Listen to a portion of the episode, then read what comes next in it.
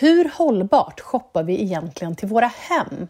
Och hur klimatsmart är inredningsbranschen? Det undersöker vi i detta avsnitt av Shop or Stop, en podd om framtidens shopping av Breakit och leveransföretaget Bring. Journalist och inredningsexpert Maria Soxbo driver populära bloggen och Instagramkontot Husligheter och har stenkoll på hur vi shoppar till våra hem.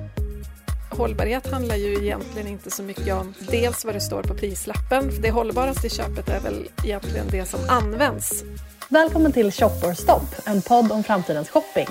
Jag heter Karin Rorade och i den här poddserien försöker vi reda ut varför vi shoppar som vi gör och om vi kanske kan shoppa på ett sundare och mer klimatsmart sätt. Våra hem har gått från privat sfär till Instagram-stolthet. Samtidigt har inredningsföretag anammat modevärldens beteende med trendkollektioner och designsamarbeten. Leveransföretaget Bring, som vi gör den här podden tillsammans med, kan i sina undersökningar tydligt se att fler vill shoppa klimatsmart. Men går det att shoppa klimatsmart till hemmet utan att ruinera sig? Och vad ska man tänka på specifikt när man e-handlar för hemmet? Gäst i det här avsnittet är inredningsexperten Maria Soxbo. Välkommen till Shop or Stop Maria. Ja, men tack så mycket. Roligt att ha dig med. Roligt att få vara med. Det här är ju, inredning är ju någonting jag hållit på med ett tag kan man säga, så jag har mycket att säga. Ja, men det är väl så. Det, du känns som en, som en röst i, i den svenska inredningsbranschen. Ja, jag jobbar mig lite bort från den just nu, men eh, jag håller med. Det, jag har jobbat med den från olika synvinklar, så det är det är någonting som jag eh, funderar mer och mer kring också, kan man väl säga. Om vi bara börjar från början och backar bandet, hur länge har du varit intresserad av inredning? Ja, sen jag var barn skulle jag tro. Jag var en sån där som möblerade om mitt barnrum stup i kvarten. Eh, mm. och jag tänkte faktiskt bli inredningsarkitekt från början. Mm. Men träffade på en syokonsulent som sa nej, där finns det inga jobb, nu får du tänka om. Eh, så då tänkte jag, okej, okay, mitt andra val är journalist. Det bästa är inte fråga syon vad hon tycker, utan sen gick jag bara och blev journalist. ja, ja, men då så. Um, och varför då, när du liksom blev journalist, varför valde du att börja skriva om inredning? Uh, var det för att du hade det intresset eller? Ja, men både och skulle jag säga. Jag hamnade liksom i livsstilsmagasin ganska snabbt och yeah. kanske främst inom mode faktiskt. Uh, men blev väldigt trött på att trenderna gick så fruktansvärt fort. Vi som jobbade med månadsmagasin och hade lång pressläggning var liksom trött på trenderna innan kläderna ens var i butik. Och mm. inredningsbranschen gick åtminstone, och det, ja, det gör den väl fortfarande, men den går långsammare. Trender har ett längre liv inom inredning. Så att jag mm. började liksom vinkla om mig från mode till inredning för att jag kände att det var ett lite mer behagligt tempo, lite mer hållbart kan man väl säga. Ja. Ehm, och sen så har ju inredningsbranschen då tyvärr gått lite åt samma håll som mode, alltså kortare trender, fler kollektioner och så vidare. Så att tyvärr tycker jag det går åt fel håll. Men eh, okay. det var därför jag började skriva om inredning i alla fall.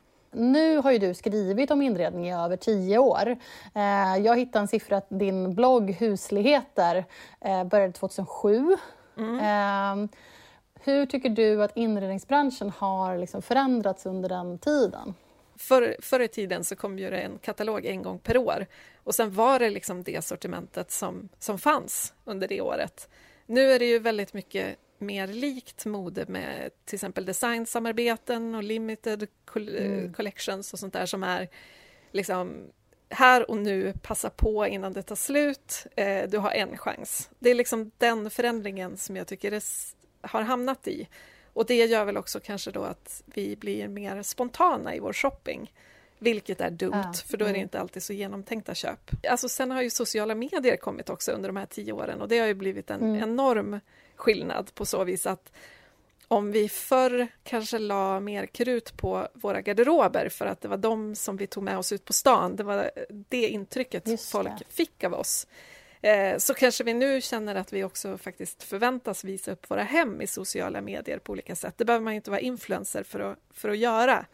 Utan vi delar ju mm. med oss mycket mer av våra liv och vi öppnar dörren för både vänner och bekanta och främlingar faktiskt. Eh, och då känner man kanske också en större press på att det ska vara fint hemma, att byta ut ja, saker ja. lite oftare och sådär.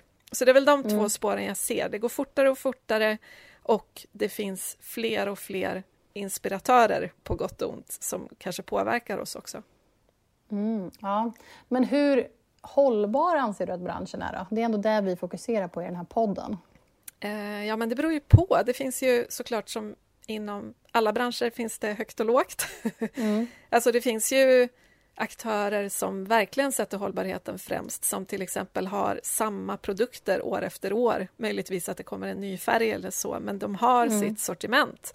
Eh, och de håller kanske prisnivå också som gör att det här är någonting som du sparar ihop till, det är ett köp för livet verkligen. Och är det så att den mm. går sönder så, så, finns det reservdelar för att det är inte någonting som försvann ur sortimentet en kvart efter att du köpte det.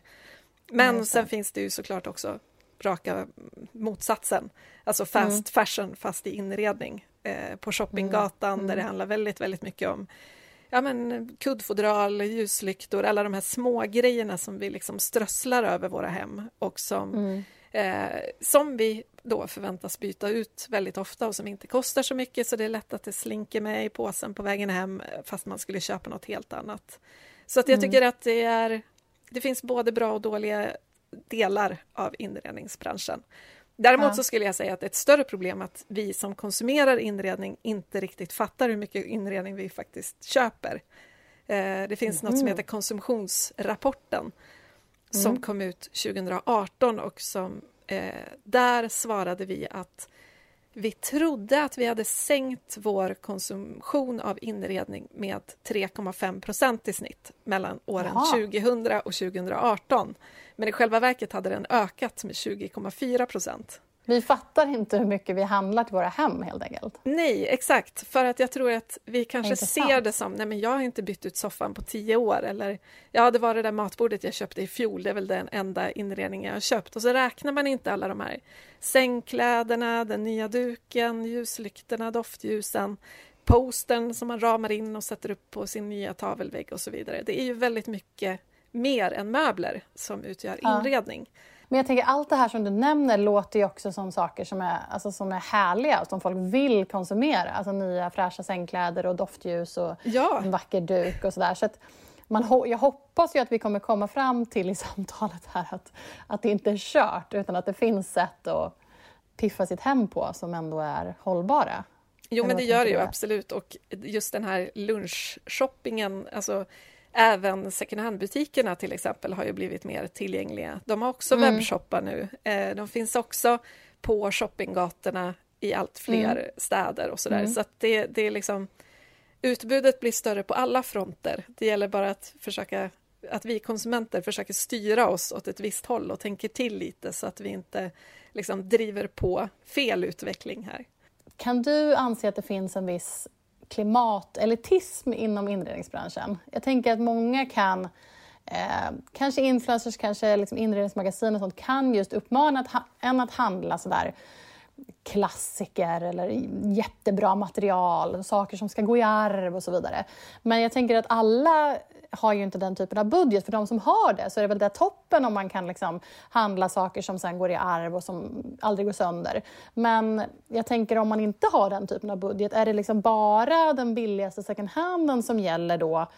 Eller tycker du att det finns budgetvänliga alternativ som också är hållbara? Ja, men gud vilken bra fråga och svår.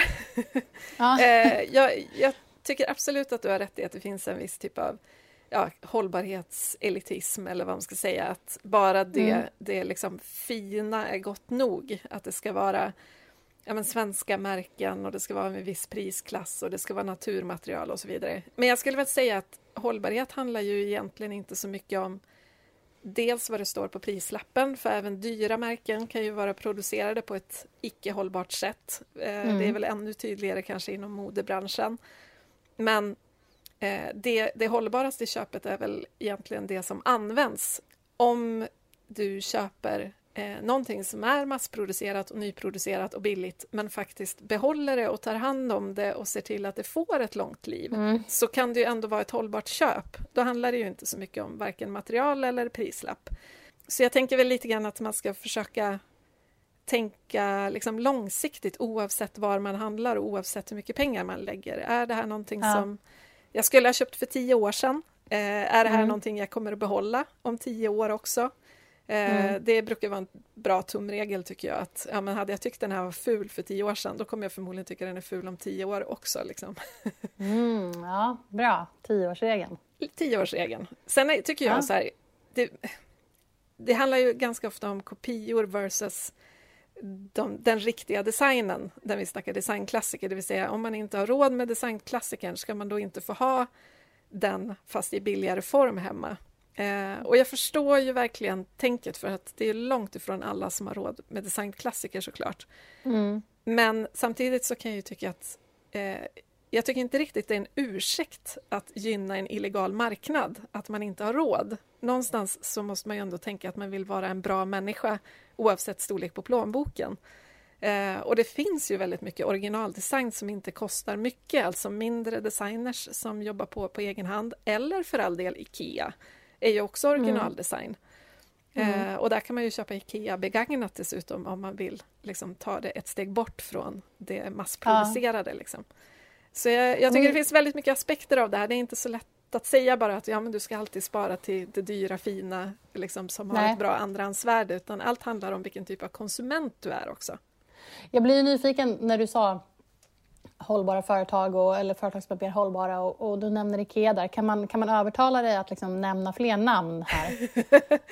eh, ja, jag tycker IKEA är ett intressant exempel på så vis mm. att de är hållbara på väldigt många sätt. Alltså de är ju till exempel självförsörjande på el i Norden. Ah. Eh, det ah, tycker jag är ah. jättekult och det är ju fantastiskt att de lägger krut och energi på det. Eh, mm. De gör ju också produkter som, som har, även om de är billiga, så håller de förmodligen länge därför att de är så rigorösa i sina tester och sådär innan de släpper en ny modell. Ah. Mm. Det jag kan tycka kanske är lite problemet med Ikea är att de har gått lite åt samma håll som många andra, det vill säga att de släpper de här små kollektionerna som bara finns under mm. begränsad mm. tid och på mm. så vis liksom eh, flörtar med vår fear of missing out. Så att fast vi inte hade tänkt köpa någonting så ser vi någonting och får höra att det finns bara i två veckor till och vi måste skynda oss. Eh, ja, så att ja. skulle man plocka bort den delen så skulle jag vara ännu mer imponerad av det IKEA gör för jag tycker att ja. där, där faller lite grann hållbarhetsarbetet i och med att de stressar till konsumtion ibland. Men okej, okay. du, du nämnde här att vilken typ av konsument man är. Eh, vad har du då för tips kring liksom, hur, hur blir man en klimatsmart inredningskonsument enligt dig? Först och främst att man faktiskt ska inreda för sig och sin familj. Inte yeah. för att leva upp till trender eller ideal i sociala medier eller för att liksom inte skämmas när det kommer gäster eller vad det än må vara som kan styra oss förutom ren trivsel.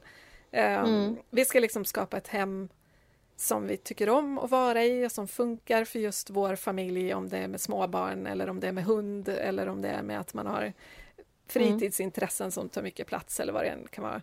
Mm. Eh, och när man då inreder det hemmet att man försöker tänka så långsiktigt som möjligt, det vill säga väljer saker som oavsett prislapp, oavsett designer, som kanske är hyfsat lätta att ta hand om så de håller länge och som kanske går att reparera och sådär. Mm. Um, har du något annat tips där förutom just så massiva träbord? Har du något annat tips? Ja, men naturmaterial kan ju vara bra på så vis att liksom, ja, är man vegan så är det inte aktuellt, men läder till exempel slits ju väldigt vackert. Eh, mm. Det får ju en patina och mm. håller på ett sätt som ett, en, ett fuskläder inte gör. Därför Nej. att det kommer slitas fulare och då kommer du kanske också bli sugen på att byta ut det snabbare än om det hade ja. Mm. åldrats vackert. Eh, mm. och där vinner ju nästan alltid naturmaterial. Sen är ju ja. naturmaterial inte alltid bra därför att till exempel bomull kräver jättemycket vatten och är den inte ekologisk så krävs det jättemycket mm. bekämpningsmedel. Eh, eh, så att det, man kan inte bara säga köp naturmaterial så är det hemma utan allting är beroende på. Ja. Men naturmaterial slits ofta vackrare och då är det större chans mm. att vi tycker att de duger längre. Sen tänker jag väl då att om man blir förändringssugen, mm. då kanske man ska försöka hålla den här liksom, spontanshoppingen och det här som bara drivs av lust, det kanske man ska mm. försöka hålla till begagnatmarknaden. Känner du att det liksom också är en, blir lite av en trend inom branschen, att det blir en sport i det, liksom, att hitta Ja, men Ja, och jag tycker också att allt fler aktörer börjar ju ha second hand som en del av sitt sortiment. Alltså, ah, på ah. senare tid har ju Servera till exempel börjat med second hand. Mm. Um, jag vet att Itala gör någon sån satsning också. Jag tror ju att vi kommer att se allt mer second hand även hos butikerna som vanligtvis har bara sålt nyproducerat för att alla vill liksom jobba hållbart, alla vill bli mer och mer cirkulära. Så det mm. kommer ju bli allt lättare att köpa begagnat och det gör väl att fler och fler kan tänka sig att göra det, tänker jag. Med tanke på att mm. ofta har argumentet varit att jag har inte tid att springa runt på loppisar. Eh, men nu är det ju lika lätt att söka och lägga in bevakningar och sådär som det mm. är att köpa nytt. E-handeln har ju såklart ökat väldigt mycket senaste året eh, och det har kommit in nya målgrupper som kanske inte har e-handlat tidigare. Sådär. Vad tycker du att man bör tänka på om man e-handlar inredning?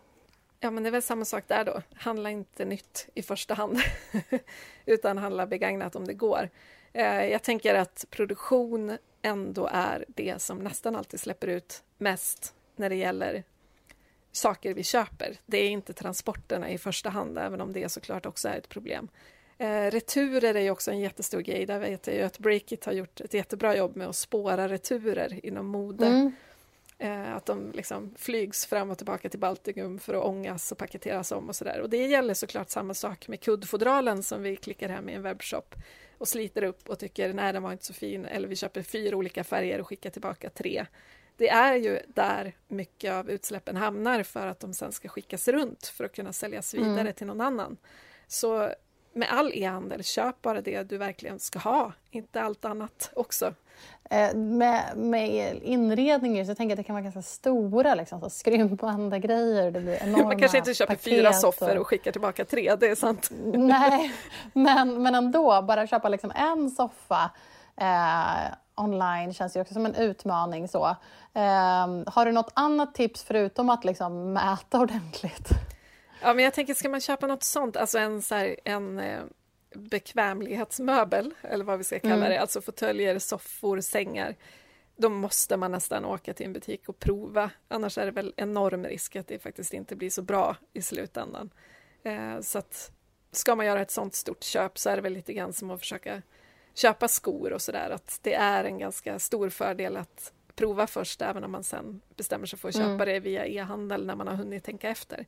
E-handel kan ju vara bra på det sättet att om man står i en butik, provar och vill sova på saken och inte bor i närheten så kan man ju ge sig själv den tiden att tänka efter ordentligt innan man köper tack vare e-handel.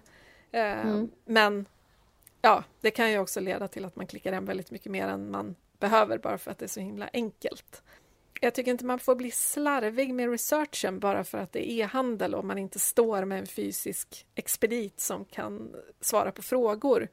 Eh, man får inte ha så bråttom så att man inte kollar vad det är för material eller och står det inte så kanske man ska mejla deras kundtjänst och fråga vad är det här gjort av egentligen och vad händer om den går sönder? Går den att reparera? Hjälper ni till då?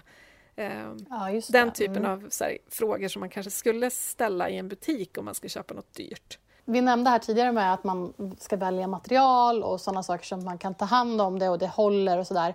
Har du några tips på just när det gäller att ta hand om sina grejer eller kanske vart man kan hitta typ, den typen av information så att man liksom vårdar sitt hem? Det mesta nytt man köper står det ju ändå skötselråd på, det vill säga ja. mm. köper du ett träbord så står det kanske att du ska olja in det en gång per år eller så. Mm. Eh, och det gäller väl att faktiskt läsa den informationen göra och göra det, ställa ett mm. larm i mobilen eller någonting. Eh, är det någonting annat du tycker man ska veta som, som inredningskonsument som vi borde nämna i podden? Ja, men jag tycker vi måste öva lite på att vara lite mer nöjda. Eh, det blir så väldigt lätt att vi jämför oss med allt och alla och liksom letar fel. Att vi har fått fint i ett rum och så går vi in i rummet bredvid och så känns det plötsligt ganska trist och då kanske vi borde ta tag i det också för nu är ju näst, liksom, mm. det andra rummet så himla fint. Eh, mm. Jag tycker vi borde lära lite mer av eh, ja, men den här typen av hem som vi kanske hyllar som så fantastiska och som aldrig förändras. Du vet Carl Larsson-gården och Ellen Keys strand och den här typen av Estrid Erikssons hem och sådär. Som vi liksom beundrar och aldrig tycker är otrendiga eller fula eller borde ha sett ut på något annat sätt. Men hemma hos oss ska det ändras hela, hela tiden av någon anledning för annars så mm. känns det liksom trist och lite gammalt och sådär. Eh, mm. Jag tycker det är, det är klart att ett, ett hem förändras för att ja, men barnen växer eller barn tillkommer mm. eller barn flyttar hemifrån och sådär. Um, men jag tycker samtidigt att ett hem ska växa fram ganska organiskt med livet. Att man kanske får något mm. i present eller man får ärva någonting som tillkommer och sådär. Vi behöver liksom inte vi behöver inte förändra hemmet bara för att det borde vara dags att förändra det. Utan vi kan ju faktiskt gå runt och lite försöka uppskatta det vi verkligen gillar med våra hem istället för att leta ja. felen, tänker jag. Bra tips, det tycker jag vi eh, avrundar på. Det blir mycket billigare också.